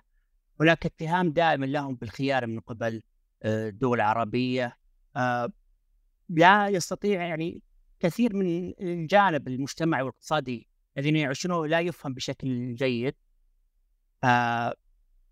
كيف ممكن نعيد النظر في عرب الداخل وأن نمثلهم ضمن حركة التحرير آه، الفلسطينية؟ سؤالك مهم جدا. آه، أنا في رأيي فلسطينية الداخل هم مركزيين لأي حل دولة واحدة. هم جزء لا يتجزأ من الشعب الفلسطيني. لابد أن يكون لهم صوت في داخل منظمة التحرير. طبعا من ناحية عملية هذا صعب لأن إسرائيل لا تسمح لهم بأن يمثلوا في أي منظمة تحرير فلسطينية. لكن ممكن أن يكون لهم دور وضروري أن يكون لهم دور في أي حوار مستقبلي حول إلى أين نحن ذاهبون. من ناحية إقليمية لا أنا بتصور خصوصا بعد التطبيع فلسطينية الداخل أصبحوا يسافرون بدون مشاكل إلى الإمارات قطر وأنا لا أرى في ذلك مشكلة. طبعا أرى مشكلة يمكن مع لبنان وسوريا وإيران ولكن هنا نعود ونفكر بمنظور إقليمي. ولكن على على صعيد محلي على صعيد محلي داخلي فلسطيني فلسطينية ال 48 آه، مركزيين لمشروع الدولة الواحدة لأنهم كما ذكرت هم من بدأوا يتكلمون عن جعل إسرائيل على إسرائيل تكون دولة لكل مواطنيها. هم من آه، على تواصل مستمر مع فلسطينية الضفة. عوامل اقتصادية تدل اليوم أن هناك حراك اقتصادي قوي بين أهل 48 وأهل الضفة. وهم أيضا من يفهم المجتمع الإسرائيلي ويستطيعون أن يبدأوا وبدأوا فعلا في محاولة خطابة الشعب الإسرائيلي بأن الدولة الواحدة هي الحل الوحيد لضمان حقوق المواطنة لليعود في في دولة إسرائيل. لا أنا أرى لا أرى يعني أرى أن لهم دور مهم. أنا ما يقلقني اليوم هو كيف عمليا سنحيي منظمة التحرير لأن هناك فصائل لا تريد إحياء منظمة التحرير. وهذه لابد لنا أن نتخلى ونتخلص من هذه القيادة التي أثبت أنها فاشلة وغير ديمقراطية وتضر بالمشروع الوطني الفلسطيني لا تريد أن تحميه. أجوبة مهمة دكتور على الفصول والآن سننتقل لفقرة ما بعد الكتاب. الكتاب غني بمواضيعه والأساليب المختلفة التي تطرقت للمسألة الفلسطينية لكن على المستوى الشخصي لاحظت غياب لتناول القضية من منظور جندري أو بمعنى أوسع كويري أو حتى دور المرأة ضمن هذا الصراع خصوصا أن المرأة كان لها دور مهم ضمن النضال الفلسطيني لماذا غاب هذا الموضوع الكتاب؟ خصوصا أن سؤال الجندر والجندرة يواجه معضلة بين ذكوريتين عربية وصهيونية شكرا جدا. سؤالك كثير محله كان عندي فصل عن دور النساء ولكن للأسف من الشخص الذي آه، انسحبت من الكتاب ولم يكن بإمكانها أن تقدم الفصل. أنا حاولت أن آه، أعالج هذه هذا الغياب بأني ركزت على أن يكون آه، نصف من كتب بهذا الكتاب نساء فلسطينيات. لأنه للأسف معظم الأدبيات عن القضية الفلسطينية خصوصا من الناحية السياسية تكون مهيمنة من أطراف رجال فلسطينيين. آه، فهذا ربما لو أول كتاب يتطرق لمعضلة سياسية مركزية مفهوم الدولة وما بعد الدولة وركز أن يكون في مداخلات نسائية. آه، مش من منظور نسائي وإنما أن يكون لهم صوت. آه، لكن طبعا المرأة لها دور أساسي في القضية الفلسطينية. المرأة آه، همشت بعد عملية أوسلو للأسف الشديد. ولكن أظن هناك اليوم صعود جيل جديد لنساء فلسطينيات. وأيضا على العالم العربي نرى أخيرا أن نرى المرأة الفلسطينية والعربية تترأس مراكز سياسية واقتصادية مهمة جدا. إن كانت من الشيخة موزة في قطر إلى ممثل ممثلة الشؤون الإنسانية في قطر التي وجدناها في في غزة إلى الصحفيات الفلسطينيات على الجزيرة. يعني لم يكن ذلك الحال منذ عشرين سنة. فالخطاب النسوي في داخل فلسطين النشاطات النسوية داخل فلسطين صوتها عالي. والوجود النسوي في كل المؤسسات الفلسطينية والعربية أخيرا يأخذ في التصاعد. يعني لم لم يكن بإمكاني للأسف الشديد كما ذكرت أن الشخص الذي كان لازم يقدم فصل عن دور المرأة في في مشروع دولة واحدة انسحبت. ولكن عمليا التحرر يتطلب اليوم أي معنى تحرري؟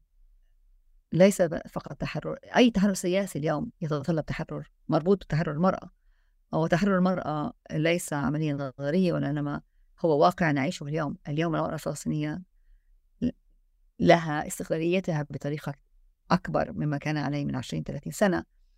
آه، ما يقزز من وضعها السياسي هو غياب أي نظم سياسية غياب أي مؤسسات فلسطينية غياب الديمقراطية. أنا اليوم بدأنا بانتخابات فلسطينية كانت للمنظمة أو للمجلس التشريع الفلسطيني في الضفة الغربية وغزة وأكد لك أن سيكون لها وجود قوي. لأن وجودها على كل الأصعدة الاقتصادية السياسية الثقافية الجامعية آه، أقوى وأعلى. آه، لكن ما سيرسخ وجودها هو بناء مؤسسات ديمقراطية وهو ما هو غائب اليوم عنا وفي الحديث عن الديمقراطية أعود لفكرة ذكرتيها وهو التحول في الخطاب من خطاب إقامة الدولة لمجرد إقامة الدولة إلى الخطاب ناقل آه، أخذ الحقوق.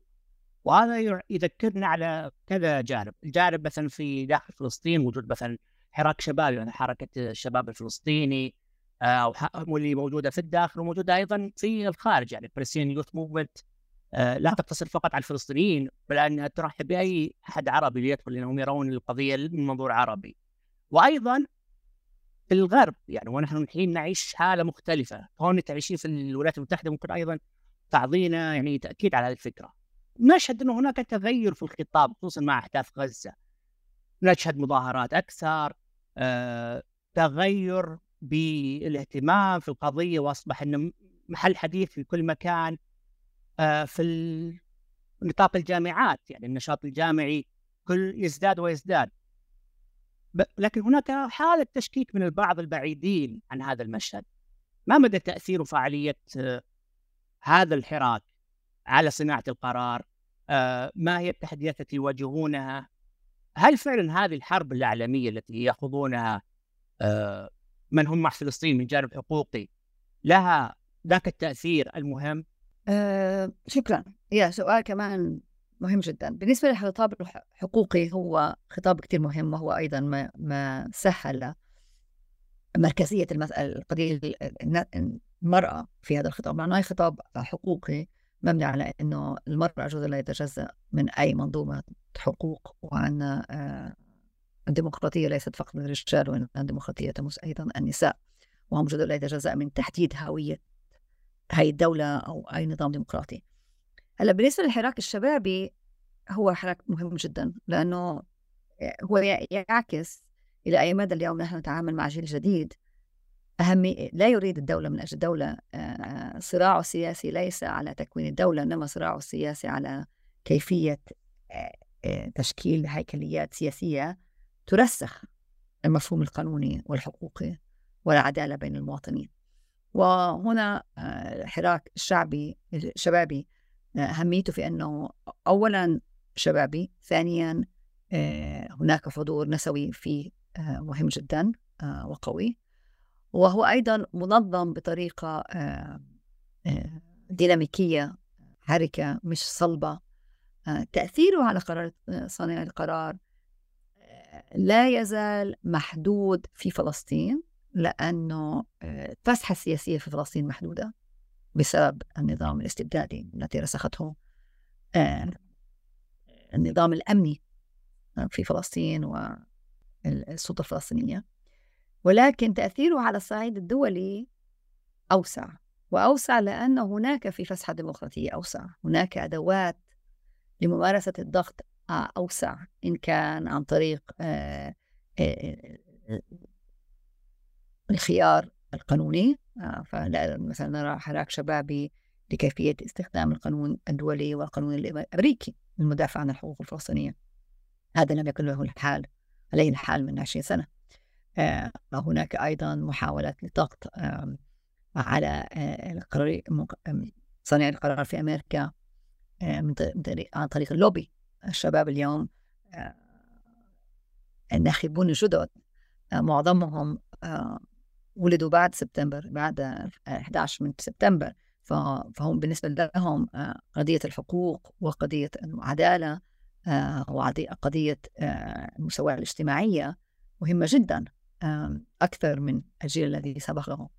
ولهم يبدأون اليوم بممارسة ضغوط سياسية من خلال حراكهم الشعبي أيضا في الجامعات ولكن أيضا خارج الجامعات.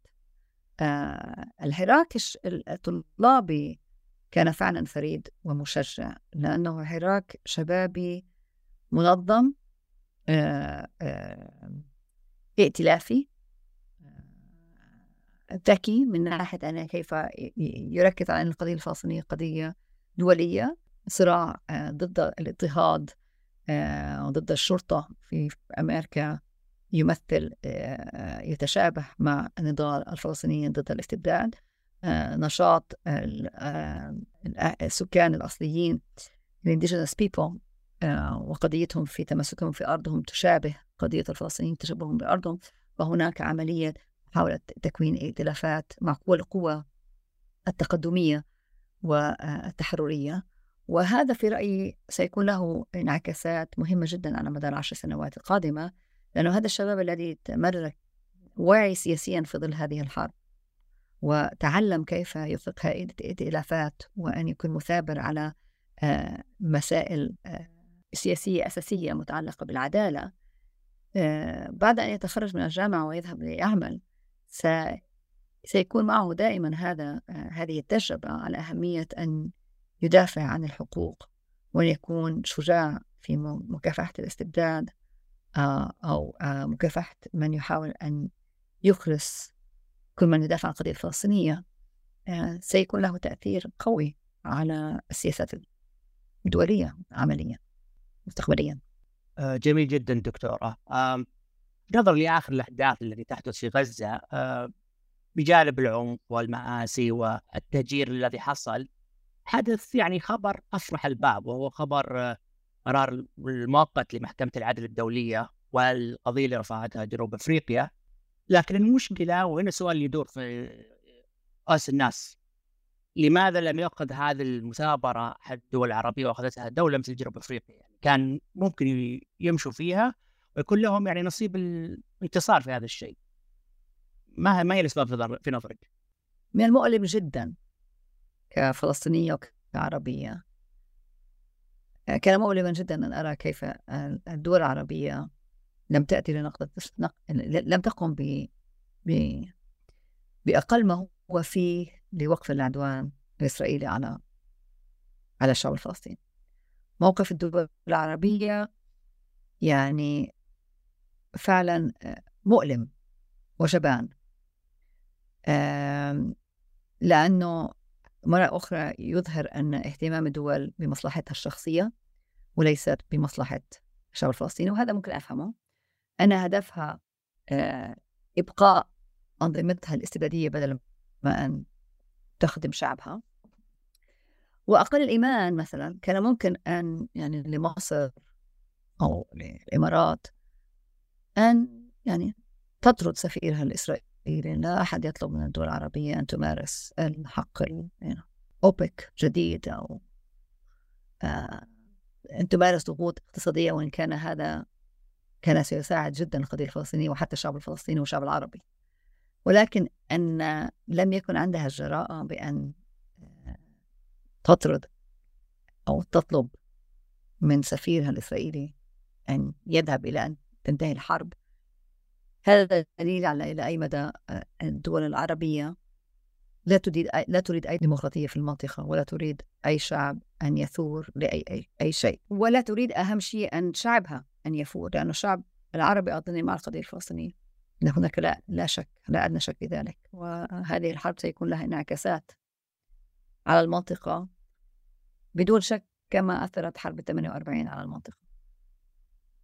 وأظن الشعوب الحكومات العربية قلقة على انعكاسات هذه الحرب على شعبها ومطالبات شعبها بالثورة ضد النظام أو المطالبة بحقوق ديمقراطية.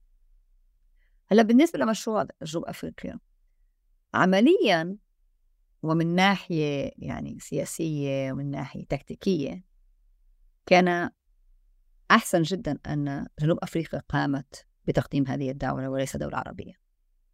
لأنه إن كانت دولة عربية قامت بتقديم هذه الدعوة كان سيقال آه هذا جزء لا يتجزأ من العنصرية العربية ضد إسرائيل ونوع من اللاسمية و.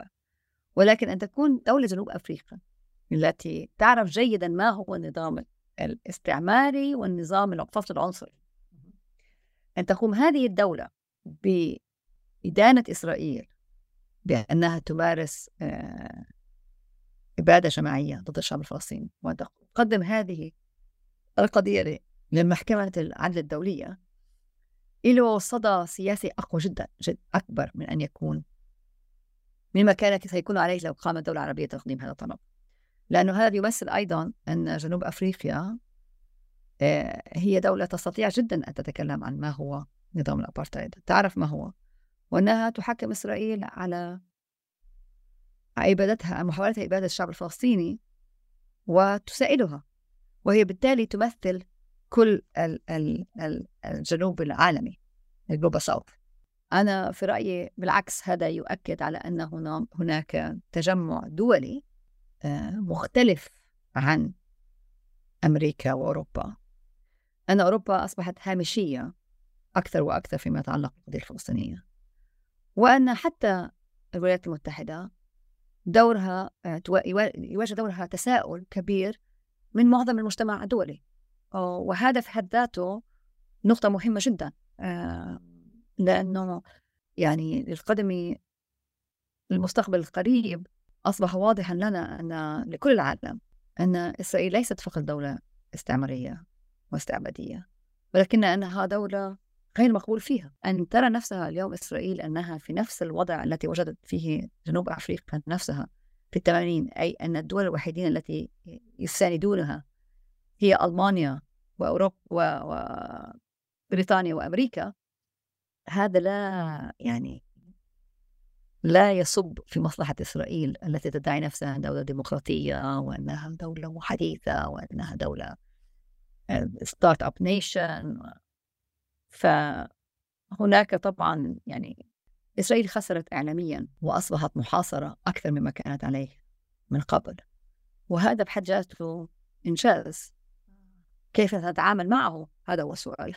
ومن هنا ننطلق إلى نقطة يعني ذكرتيها في خاتمة الكتاب وأيضا في مقال كتبتيه في London Review of Books في الكتاب في الخاتمة لفتني هو الربط أن مسألة الفلسطينيين في السعي للحقوق والعدالة لا تنفصل عن مسألة المواطنين العرب الموجودين في المنطقة في سعيهم للحرية والعدالة ضد النظام العربي الاستبدادي. فلا يمكن فصل ما يحدث في سوريا عن ما يحدث في فلسطين وهلم مجرة. لا وهناك أيضا واقع آخر يعني كتبتيه في المقالة التي ترجمتها ومنشورة على جدلية العربية وسأذكر الاقتباس. طبعا المقا... الاقتباس كأنه يجاوب على السؤال دائما يطرح ماذا سيكون ما بعد الحرب؟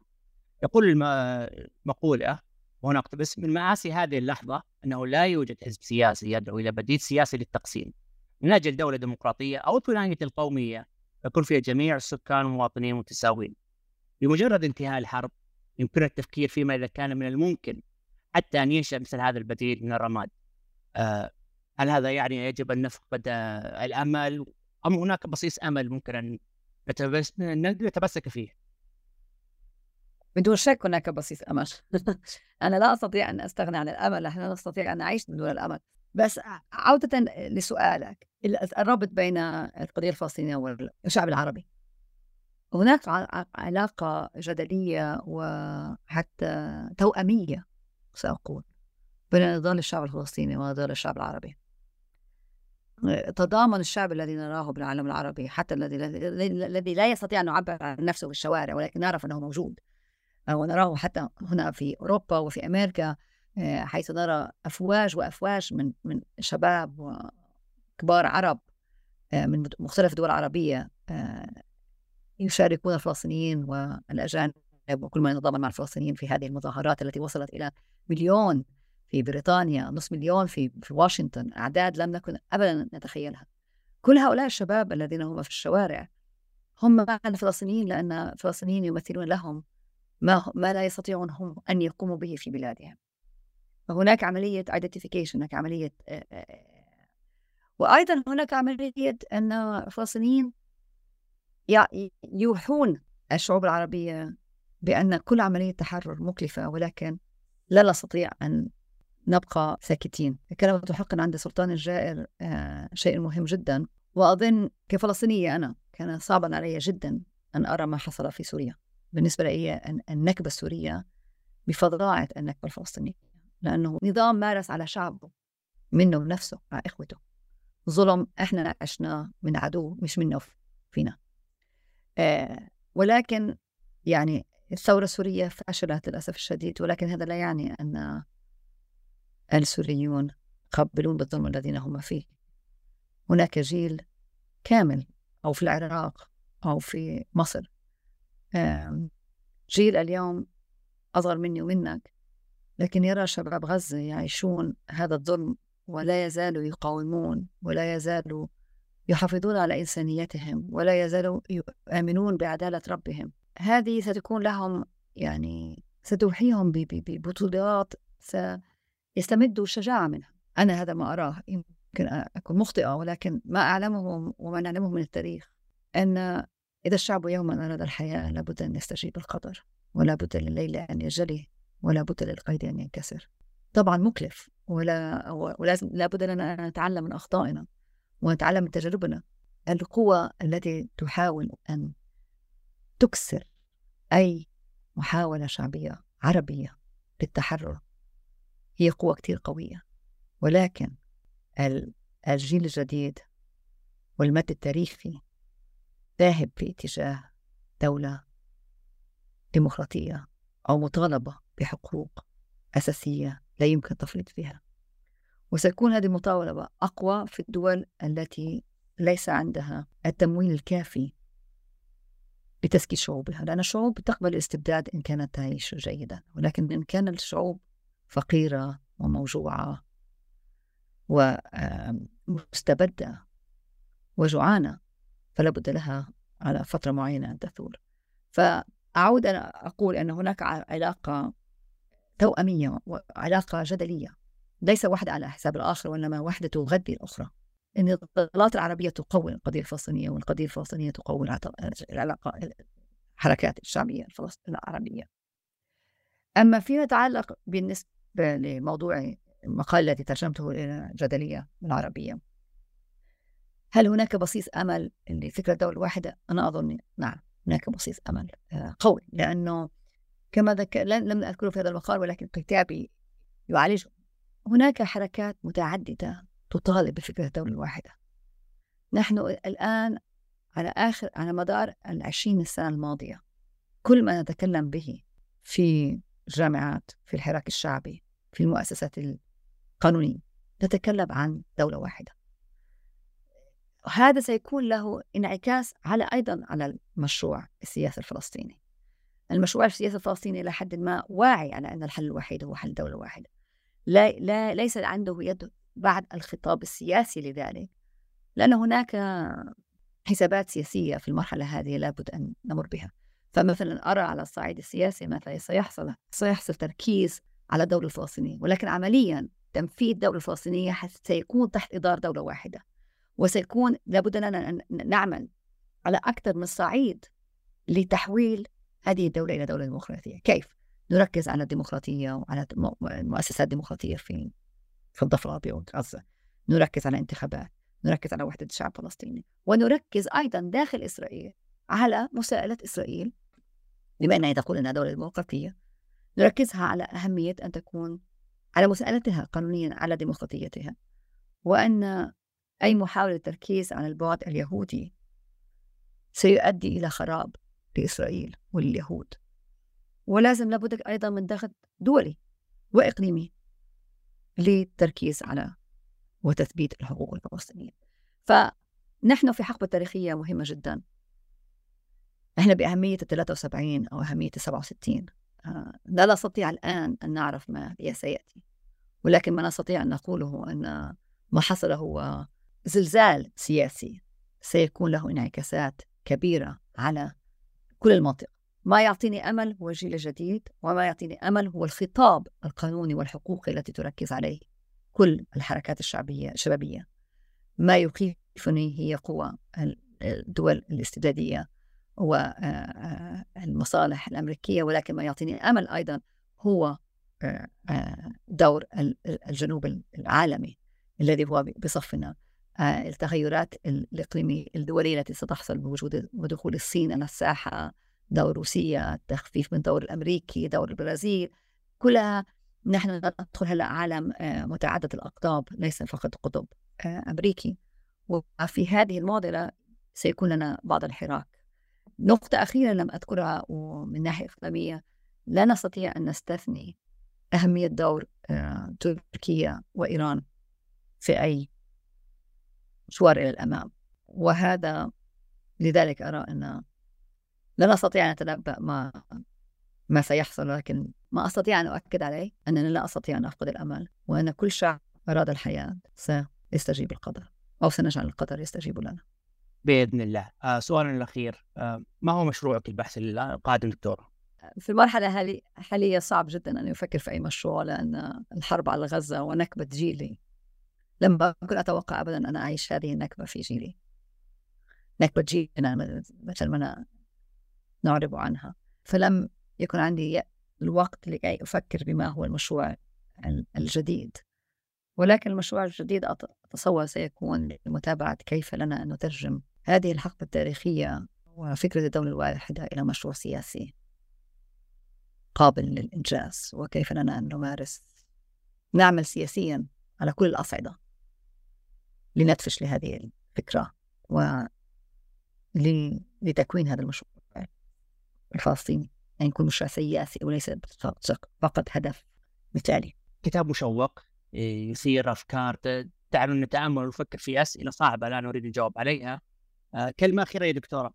شكرا لكم شكرا لكم لاستضافتي شكرا لكم لقراءتكم لكتابي بتمعن وشكرا لكم لمحافظتكم على هويتكم العربية وعلى أهمية أن آه، نعمل سويا من أجل عالم عربي وعالم فلسطيني فيه نوع من العدالة. شكرا. شكرا لك دكتورة